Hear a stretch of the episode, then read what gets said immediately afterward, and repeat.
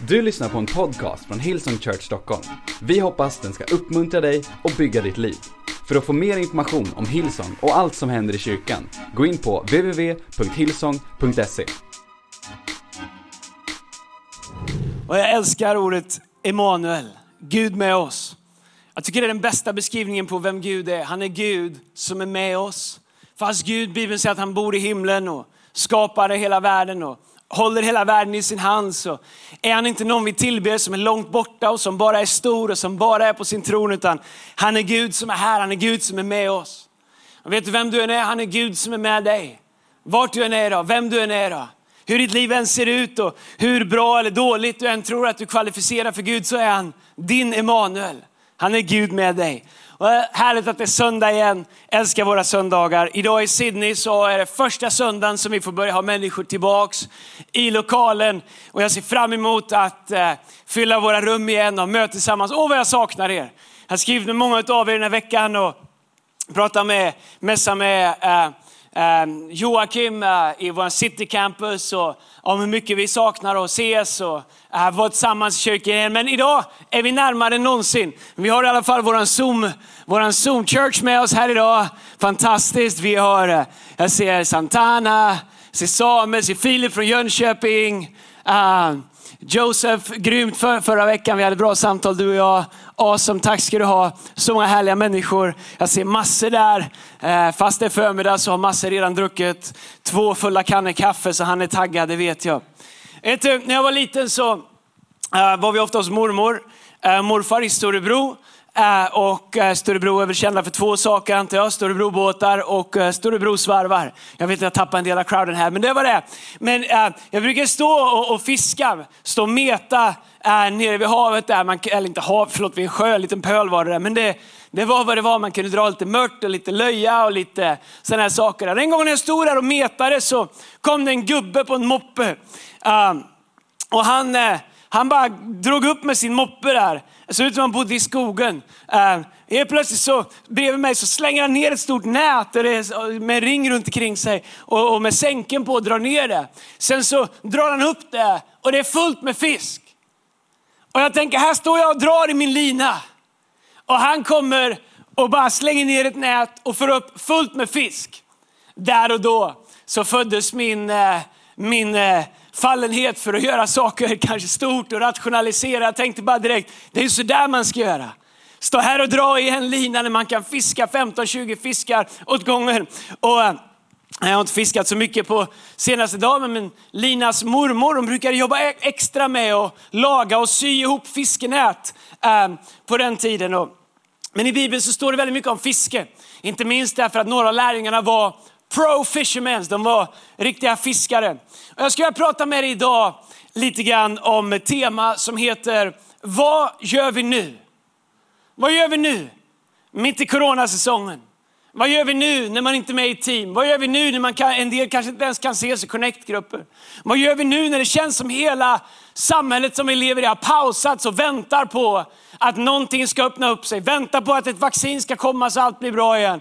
Jag tänker att ingen har väntat så mycket på någonting som vi väntar på vaccinet sedan mänskligheten väntade på Jesus. Men vad gör vi nu? När vi väntar, vad gör vi med våra gåvor? Vad gör vi med vad Gud har kallat oss till? Vad gör vi med våra liv? Ska vi bara bunkra upp och zooma lite och sitta och trycka skumtomtar fram till midsommar? Eller är det så att det finns någonting som Gud har för oss idag? Jag vill bara varna dig att det här är ingen tv-kompatibel predikan kanske. Du vet man står och vet, så, här, så här. Det här är någonting som jag brinner för. Så om jag skriker lite mycket idag, inte skriker, om jag är passionerad får du sänka ljudet lite. Men du kan vara med ändå, all right? Lukas kapitel 5, vers 11 så står det så här. En gång när Jesus stod vid sjön Genesaret om folket trängde sig in på honom för att höra Guds ord, fick han se två båtar ligga vid stranden. De, eh, det som fiskarna hade lämnat, eh, de låg som fiskarna hade lämnat dem och höll på att skölja nätet. Uh, näten. Jesus steg då i en av båtarna som tillhörde Simon och han bad honom lägga ut lite från land. Sen satte han sig ner och undervisade folket från båten, vilket i sig är coolt därför att Jesus som är en ljudtekniker, han, han ror ut, ber dem ro ut en bit på vattnet. Så han står i båten på vattnet och talar till folket. Varför gjorde han det? Jo, det är för att det han gjorde det var att han skapade en akustik, eh, ett akustikfenomen så vattnet blev som en förstärkare. Jag skickar med det till alla ni tekniknördar. När han hade slutat tala sa han till Simon, far ut på djupt vatten och lägg ut era nät till fångst. Simon svarar, mästare vi har arbetat hela natten och inte fått något.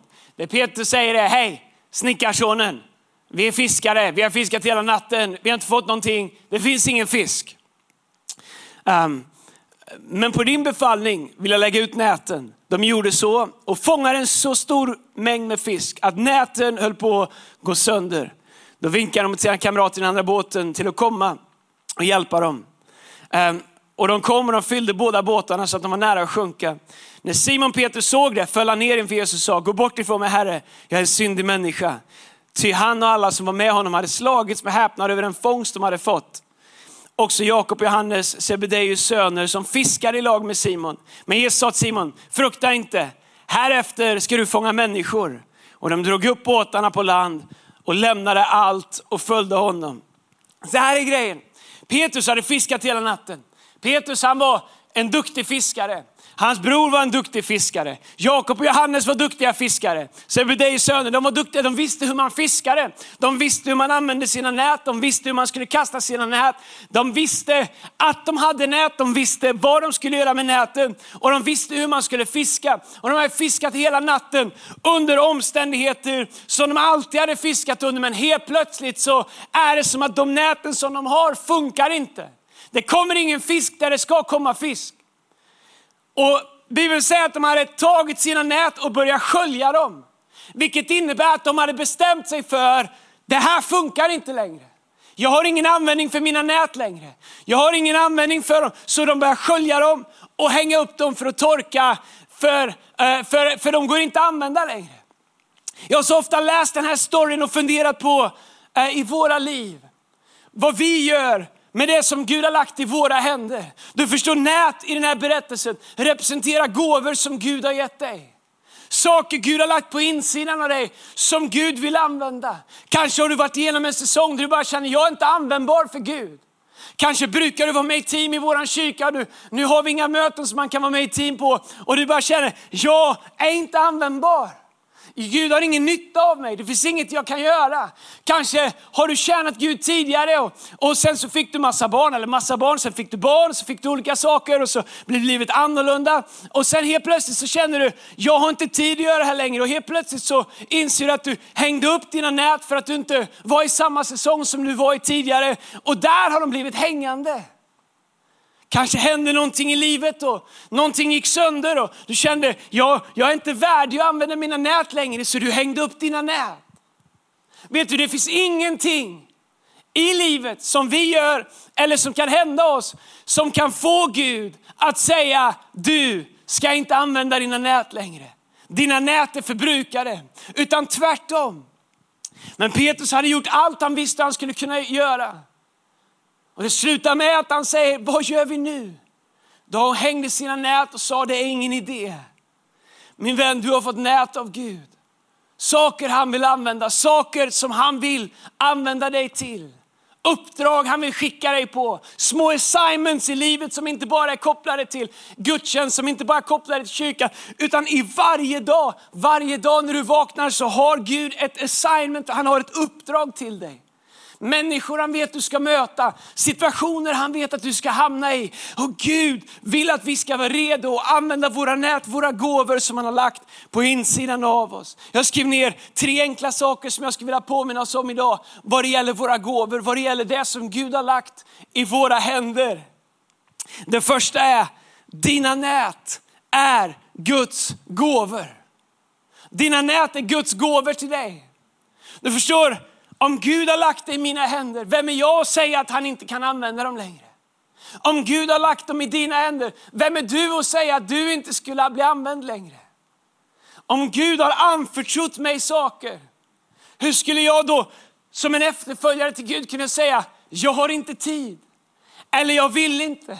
Eller jag har så mycket annat. Du förstår, näten är gåvor som Gud har lagt i våra liv för att Gud vill använda dem. Gud vet när du vaknar på morgonen vilka människor du kommer träffa. En del av er har fått gåvan att uppmuntra och Gud han vet att idag så kommer du behöva uppmuntra en människa därför att den människan behöver det. Men om vi har tagit våran gåva, hängt upp den och tänker hey, jag har så mycket med mig själv, jag har så mycket med mina egna utmaningar. Så idag så går jag genom dagen så här fullt fokuserad på mig själv. Och de som Gud har tänkt att vi ska bli använda för att uppmuntra idag får inte den uppmuntran de behöver eller får inte den uppmärksamhet och den påminnelsen om att Gud, eh, att Gud inte har glömt dem därför att vi väljer att hänga upp våra nät. Gud vill använda dig i din vardag. Förstår kyrkan är vi en timme i veckan nu när vi kör online. Men i din vardag så är du 24 timmar om dagen, sju dagar i veckan. Men hur ser du på dina gåvor? En del människor hanterar sin gåva som en slags trofé över någonting som Gud har använt dem till tidigare. Jag tänker människor som jag träffar som berättar om hur bra det var förr, hur bra det var när de var med och vad de har gjort förr. Jag tänker, det där är ju kanon, men hur är det nu? Därför att varje dag vi vaknar är en ny gåva ifrån Gud, men också ett nytt uppdrag ifrån Gud.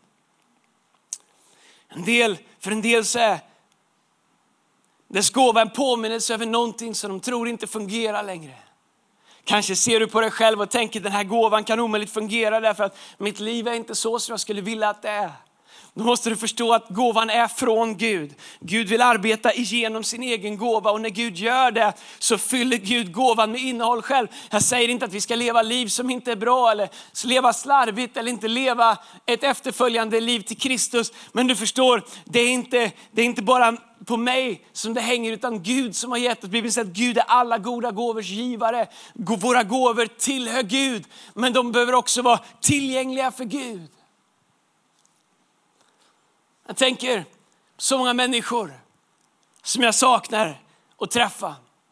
Värdar, hostar som jag har sett varje söndag i så många år. Fantastiska människor som älskar att tjäna Gud, inte minst praktiskt. Som kanske inte är involverade i team just nu eftersom vi inte får samlas till gudstjänst. Vet du, att vara med och göra saker praktiskt, att bygga Guds hus, att betjäna andra människor när vi firar gudstjänst, det är en fantastisk uppgift. Oavsett vad, vad, vad din del är. Men vet du, Gud har mer saker för dig. Gud har andra saker han kan använda dig just nu. Min bön är att vi inte skulle sätta oss själva på paus och säga, jag kan inte tjäna Gud, jag har ingenting att göra därför att vi samlas inte med mitt team just nu. Men tänk om du skulle bestämma dig och vakna varje morgon och säga, Gud, jag kan inte ställa ut stolar, jag kan inte sköta ljud, jag kan inte spela just nu. Men Gud, vad vill du jag ska göra nu? Vad vill du jag ska göra nu? Jag är tillgänglig här idag för dig Gud. Jag lovar att du kommer se Gud använda dig. Gud letar efter tillgängliga människor. Och jag har bestämt mig i den här säsongen som vi är i, att jag vill vara mer lyhörd, mer tillgänglig än någonsin. Allting talar för att vi skulle fokusera på oss själva, stänga in, hålla ut, hålla avstånd, hålla oss borta. Vissa av de sakerna är bra när det kommer till smittspridning antar jag. Men vet du, det finns också något annat i oss där vi vill säga Gud, jag vill vara mer tillgänglig tillgänglig för dig nu än någonsin därför att människor behöver dig mer än någonsin. Du förstår, Gud har bara sin kyrka att arbeta igenom. Gud har bara sina efterföljare, sin kropp att arbeta igenom. Och om vi går och låser in oss och isolerar oss, även ifrån våra uppdrag, så har världen ingen möjlighet att se sin frälsare och sin räddare. Det andra jag funderar på när det kommer till de här näten, det är punkt nummer två, att nätens rätta element är i vattnet inte på land. Jesus sa till Petrus, varför har du hängt upp dina nät? Och Petrus sa, ska, ska jag börja förklara det för dig som är en snickare? Jag har hängt upp mina nät därför att de funkar inte. Jag får ingen fisk. Tiden när de här sakerna funkar är över. Det finns ingenting kvar, jag kan inte använda dem längre. Jag har haft min tid. Men du förstår, det var inte fel på näten. Det var bara fel på vart de var. Näten fungerade. Näten fungerar när de är i vattnet. Din gåva fungerar när du är i det element som Gud har kallat dig till. Men om vi tar våra nät och hänger upp dem på väggen och säger de funkar inte, då har vi rätt. Därför att de funkar inte förrän de är i sitt rätta element. Om vi vill bli använda av Gud så måste vi se till att våra liv är dess rätta element. Där Gud har tänkt att du ska vara. För mig så innefattar det att läsa Bibeln att fylla med Guds ord, att lyssna på lovsång, att vara med i kyrkan online, att hålla kontakt med min connect-grupp. Men vet du, också att varje dag göra mig tillgänglig. Att varje dag säga Gud, Här är jag med de gåvor du har gett mig. Idag är jag tillgänglig. Idag är jag din.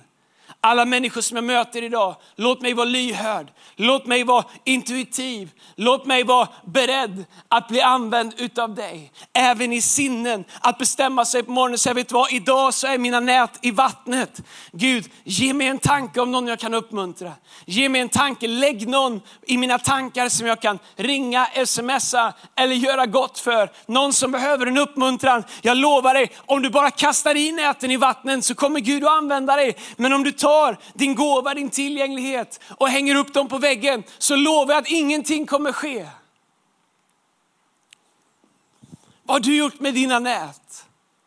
Så en del av oss vi byter ut våra nät, de gåvor och redskap som Gud har gett oss, mot andra saker. Och om jag får säga någonting som kanske är lite spetsigt, nej, inte så spetsigt är det inte. Jag har sagt spetsigare saker. Så här kommer det. Vet du, ibland så är välsignelse en av de största hindren till att använda sina nät. Man kan se i mitt eget liv hur fighten hela tiden är. När jag inte hade någonting. När jag lämnade USA med en gitarr och två hockeychunkar med kläder. Hon sa, Gud jag, är, jag åker tillbaka till Sverige, jag är redo att bli använd hur du än vill. Gud använd mig på vilket sätt du vill. Jag hade ingen B-plan, jag hade inga andra tankar, jag hade inget annat att luta mig mot än att Gud skulle använda mig. Så många av oss, vi, vi har bett Gud, Gud, jag vill ha ett förhållande. Gud, hjälp mig att hitta någon. Gud, Gud, jag skulle vilja ha någonstans att bo. Hjälp mig att få en lägenhet. Hjälp mig att köpa ett radhus. Hjälp mig att köpa ett hus. Hjälp mig att starta ett företag. Och Gud välsignar oss när vi följer honom. Helt plötsligt så, från att ha haft allt framför oss som en dröm och som en bön, så börjar saker och ting ske i våra liv. Men vad händer i våra liv när välsignelsen upptar oss så mycket så vi inte har tid längre att använda våra nät? Vad händer när det som Gud har välsignat våra liv med, framgången, välsignelsen eller vad det än kan vara, bönerna, utbildningen vi kom in på, personen vi började dejta, företaget vi fick jobb på eller startade som nu upptar hela vår tid och helt plötsligt så har vi inte tid att tjäna Gud längre. Välsignelsen är det som faktiskt hindrar oss från att kasta ut våra nät. Min bön är att ju mer i mitt liv som Gud ger mig, ju mer vill jag bli använd av honom. För att jag tror att det är hälsosamt för oss som följer Jesus. Och säga Gud, vare sig jag har det här eller inte, jag tjänar dig.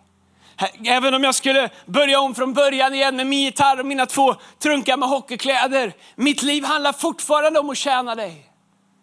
Jag vill vara lika tillgänglig idag med ett hus att sköta om, med fru, med barn, med vänner, med en bil som ska tvättas, som jag var när jag inte hade någonting. Gud, om de här sakerna hindrar mig, då är de inte längre en välsignelse.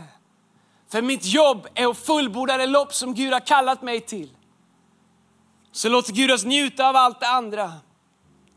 Men se en del de har hängt upp sina nät på väggen och det som händer med oss när vi hänger upp våra nät är att vi måste börja förklara varför vi har gjort det. Ibland så ser jag till och med kristna människor kritisera, raljera, vara nonchalanta, sitta som expertkommentatorer och recensera vad andra kristna gör. Det är inte bara kristna, hela världen är så. Jag, vet, jag tänker att ett av de bästa sätten att bli cynisk, kanske till och med bitter, sitta och recensera och kommentera vad andra människor gör och inte gör. Det bästa sättet att hamna där är att hänga upp sina nät på väggen. Att söka förklaringar till varför jag inte lever det liv som jag egentligen skulle vilja leva. Ta glädjen från dem som försöker göra det. Hej, min bön är, om du har spikat upp dina nät på väggen, ta ner dem igen, kasta ut dem igen. Låt Gud använda dem igen. Gud har en plan för dig. Vi hittar bara tillfredsställelse när vi lever det liv som Gud har kallat oss till. Vår djupaste tillfredsställelse är inte i prylar, den är inte i status, den är inte i att Gud svarar på alla våra böner om vad vi vill ha. Vår djupaste tillfredsställelse det är när vi hittar vår kallelse och bestämmer oss för att sätta den först och leva i den. När vi lever med en känsla av uppdrag att jag är här för att göra en skillnad. Jag är här för att göra vad Gud har kallat mig till. Mitt liv har ett uppdrag. Idag på Lucia så har mitt liv ett uppdrag och det handlar om mer än lussebullar och glögg. Även om jag gärna tar en lussekatt i kaffet idag. Det tredje i den här texten som vi läste, som jag bara skulle vilja kasta ut punkt nummer tre. Gud vill använda dig. Gud vill använda dig för första gången.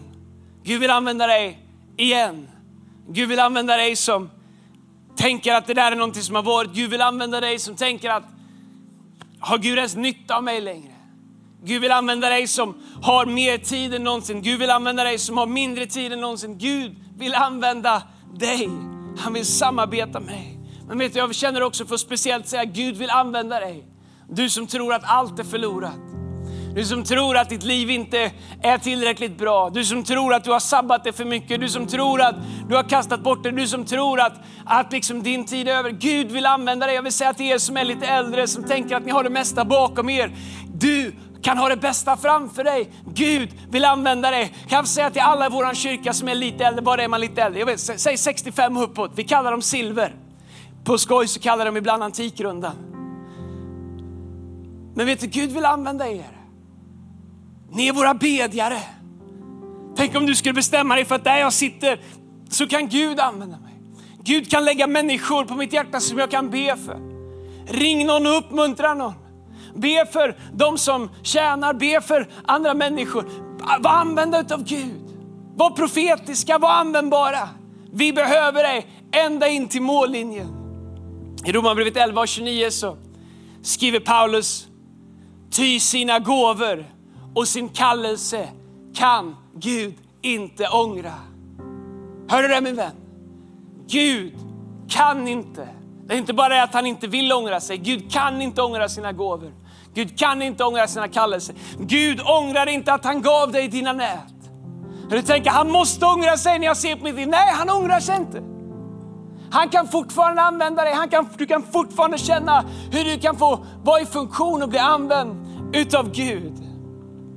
Jesus sa till Petrus, ro, ro ut igen till den plats som en fiskare ska vara på, där näten ska vara. Ta med dig näten, ta ner dem från väggen, ta med dem ut igen. Så åker vi ut på vattnet där du ska använda dina nät. De ska inte hänga här och torka, de ska vara i vattnet. Och Petrus gör som Jesus säger och han får så mycket fisk att han får kalla på andra människor, andra båtar för att komma och hjälpa till. Vet du, när jag lever i min kallelse så kommer välsignelsen spilla över på andra människor. Vet du, det finns människor som väntar på andra sidan våran lydnad. Det finns människors mirakel som är kopplade till att vi kastar våra nät. Till att du kastar dina nät. Gud vill använda dig. När jag efter nian började jobba så var jag vaktmästare på en skola, ett ålderdomshem. Jag hade en chef som hette Bosse, gamla skolan. Han hade inte gått alla de här moderna kurserna som finns nu i modernt ledarskap. Jag var tvungen att inställa mig 07.00. Vilket innebar att man är där 06.50. För fem minuter innan är minst en kvart för sent. Jag inställde mig varje morgon som ny där och sa Bosse, här är jag. Vad ska jag göra idag? Och varje dag så hade Bosse ett uppgift för mig. Första två veckorna fick jag köra skottkärra och ösa grus med skyffel. Jag frågade om jag fick låna tra äh, eh, traktorn. Men eh, han påpekade eh, att med de armarna som jag hade så behövde jag jag jobbade med skyffel några veckor så jag fick köra grus med skottkärra. Men varje morgon så kom jag, vad vill jag ska göra idag? Gå och gör det, laga den dörren, byta en cirkulationspumpen, whatever. Varje dag, ny inställning, nytt uppdrag. Vet du, så är det med Gud också. Absolut att Gud har en plan för ditt liv, absolut att Gud har en långsiktig tanke med ditt liv. Men vet du, vi kan vakna varje morgon och inställa oss hos den helige Ande och säga, helige Ande, idag är jag här. Vad vill du jag ska göra idag? Tänk om vi som kyrka, tänk om alla ni som tittar på det här, tänk om vi bara skulle bestämma oss imorgon när vi vaknar, måndag, så det första vi säger, helige Ande, jag är här. Jag, ställ, jag är inställd till tjänst hos dig idag. Vad vill du jag ska göra idag? Jag lovar dig att den helige Ande kommer tala. Jag lovar att han kommer leda dig. Jag lovar dig att du kommer gå igenom din dag på ett helt annat sätt än om du bara ramlar in i dagen stressad, trycker i dig två koppar kaffe, kommer sent till alltid. Om du bestämmer dig för att gå upp bara en kvart tidigare och tar den kvarten och sätta dig ner inlyssnande och säga helgande, idag är jag inställd till tjänst. Hur kan jag bli använd av dig idag? Hur kan jag använda mina nät idag? I varje möte jag har, i varje konversation som jag har, i varje butik jag går in i, nu går vi inte in i butiken, men vad du än gör. Leta efter ett stråk av Gud och hur han vill använda det. Ibland så tänker vi så här att bli använd av Gud, det, det, är något, det, det är något stort. tror att himlen ska öppna sig. Gud skriver i eldskrift med sitt finger och du ska se en brinnande pil och ett moln och ett regn över ett, någon, något hus som du ska åka till. Vet du, ibland så är det så enkelt att bli använd av Gud på ett sånt otroligt starkt sätt. Låt mig ge en berättelse från veckan som har varit om människor som Gud har använt i mitt liv utan att de kanske ens förstod värdet av det. Jag har haft en säsong, jag och Lina, eh, den här hösten. Det har varit fantastiskt att göra allt det här, men det har varit en stor säsong, den största i våra liv. Vi har haft lite äh, saker som vi har behövt hantera, utmaningar som har tärt väldigt mycket på, på ett sätt på, äh, på oss på insidan. Uh, we're in good spirits. And, men det har, det, har varit en, eh, det har varit en stor höst, kanske inte bara det relaterat till kyrkan, utan andra utmaningar. Och uh, när man kommer mot slutet av säsongen så känner man att uh, oh, jag har gett ut, gett ut väldigt mycket. Jag har gjort mer predikningar och undervisningar den här, det här året än någonsin. Jag tror att bara veckan som var så har jag gjort fem olika undervisningar, undervisat om och whatever. men förra veckan så var jag väldigt trött. Glad men trött. Och under samma vecka, två, två dagar efter varandra. Först kommer några goda vänner till oss. Uh, jag kan säga vad de heter. Per, Lars och Karina kommer förbi med en tavla på mig med någon, en händelse som, som vi, vi tycker om. Och så, han vill inte ha kaffe, han kommer in och lämnar den. Han säger hej, eh, varje gång du ser den här, tänk så här, ge aldrig upp. Jag bara, va? Okej, okay. så tar den tavlan, så åker de igen, ställer in den, tänker, åh oh, Gud, du är ändå fantastisk. Nästa dag så kommer ett annat fantastiskt par i vår kyrka, Kjell-Roger och Karina kommer och ringer på dörren och har en jättestor blomst, äh, blomsterkvast, säger man inte, men blomma med sig med ett kuvert i. Och han säger öppna det när vi har åkt. Äh, det är bara tre ord. Äh, tänk på dem, glöm dem aldrig. vi tror att det är ett ord till dig. Vi tar in, ställer in blomman, öppnar kuvertet och så står det ge aldrig upp. Samma hälsning två dagar i rad. Eh, och det var en hälsning till mig och Lina. Men vet du, att bli använd av Gud, det behöver inte vara att du ska uppväcka döda. Det behöver inte vara att du ska gå på vatten. Det kan vara så enkelt som att du, precis som Perlars och Karina och Kjell, eh, Perlars, och, och, och, de heter Karina båda två, eh, och, och, och Kjell-Roger och Karina, bara känner hej, vi ska göra något enkelt. Vi ska åka förbi och lämna en lapp där det står ge aldrig upp, köpa en blomma eller whatever. Tänk om du och jag skulle, och jag blev uppmuntrad att, att göra så själv. Tänk om du och jag skulle bestämma oss för att bli använda av Gud, låta våra nät få bli verkliga. Säga helige det här är jag idag. Använd mig. Vem kan jag betyda någonting för idag? Han lovar, det livet med Gud är awesome. Det är fantastiskt. Det vi gör i mänskliga saker kanske inte verkar så stort, men för den som får uppleva det så kanske det betyder jättemycket. Vet du, Gud har så stor omsorg om människor. Så att han vill använda dig och mig till att ta varje möjlighet att visa sin kärlek. Men varje gång som jag har förmånen att dela om Jesus eller läsa Bibeln så vill jag alltid ta chansen att be för om det finns någon människa med oss idag som aldrig har upplevt en personlig relation med Gud. Vet du, det finns ett liv som vi lever. Vi föds här, vi föds in i omständigheter, vi gör så gott vi kan. Och, och, och, och det, det, det, det är på ett sätt livet, men det finns ett annat liv också. Ett liv som pågår på insidan av oss. Men vet du också ett liv som Bibeln säger fortsätter även när vi dör. Kanske är det här året som vi mer än någonsin har blivit påminna om att livet varar inte för evigt. Vi människor, vi är inte odödliga. Det finns saker som vi inte kan styra över, saker vi inte förstår. Jag vet inte varför, men jag har tänkt på evigheten det här året. Tänk på den dagen när jordlivet är slut så fortsätter livet. Och Gud har sagt åt var och en som tror på honom så ska han ge evigt liv. Välkomna oss in i himlen. Men vet du vad han säger? Att den himlen som väntar oss när vi dör, den vill han ge oss redan här på jorden. I himlen säger Bibeln finns det ingen sorg, ingen sjukdom, ingen är ledsen, inget utanförskap, ingen diskriminering, ingen är sårad, ingen, ingen har blivit utsatt för, för allt är bra, all, allting är perfekt i himlen. Vi lever i en värld där det inte är så. Men vet du, Gud som bor i himlen, som existerar i det här kärleksfulla, goda.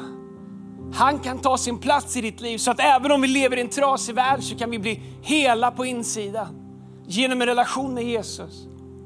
Jesus är inte en religion som vi räknar oss fram till. Han är inte en matematisk ekvation som vi får en logisk slutsiffra på och tänker det där är bra. Nej, han är en relation som vi välkomnar eller förkastar.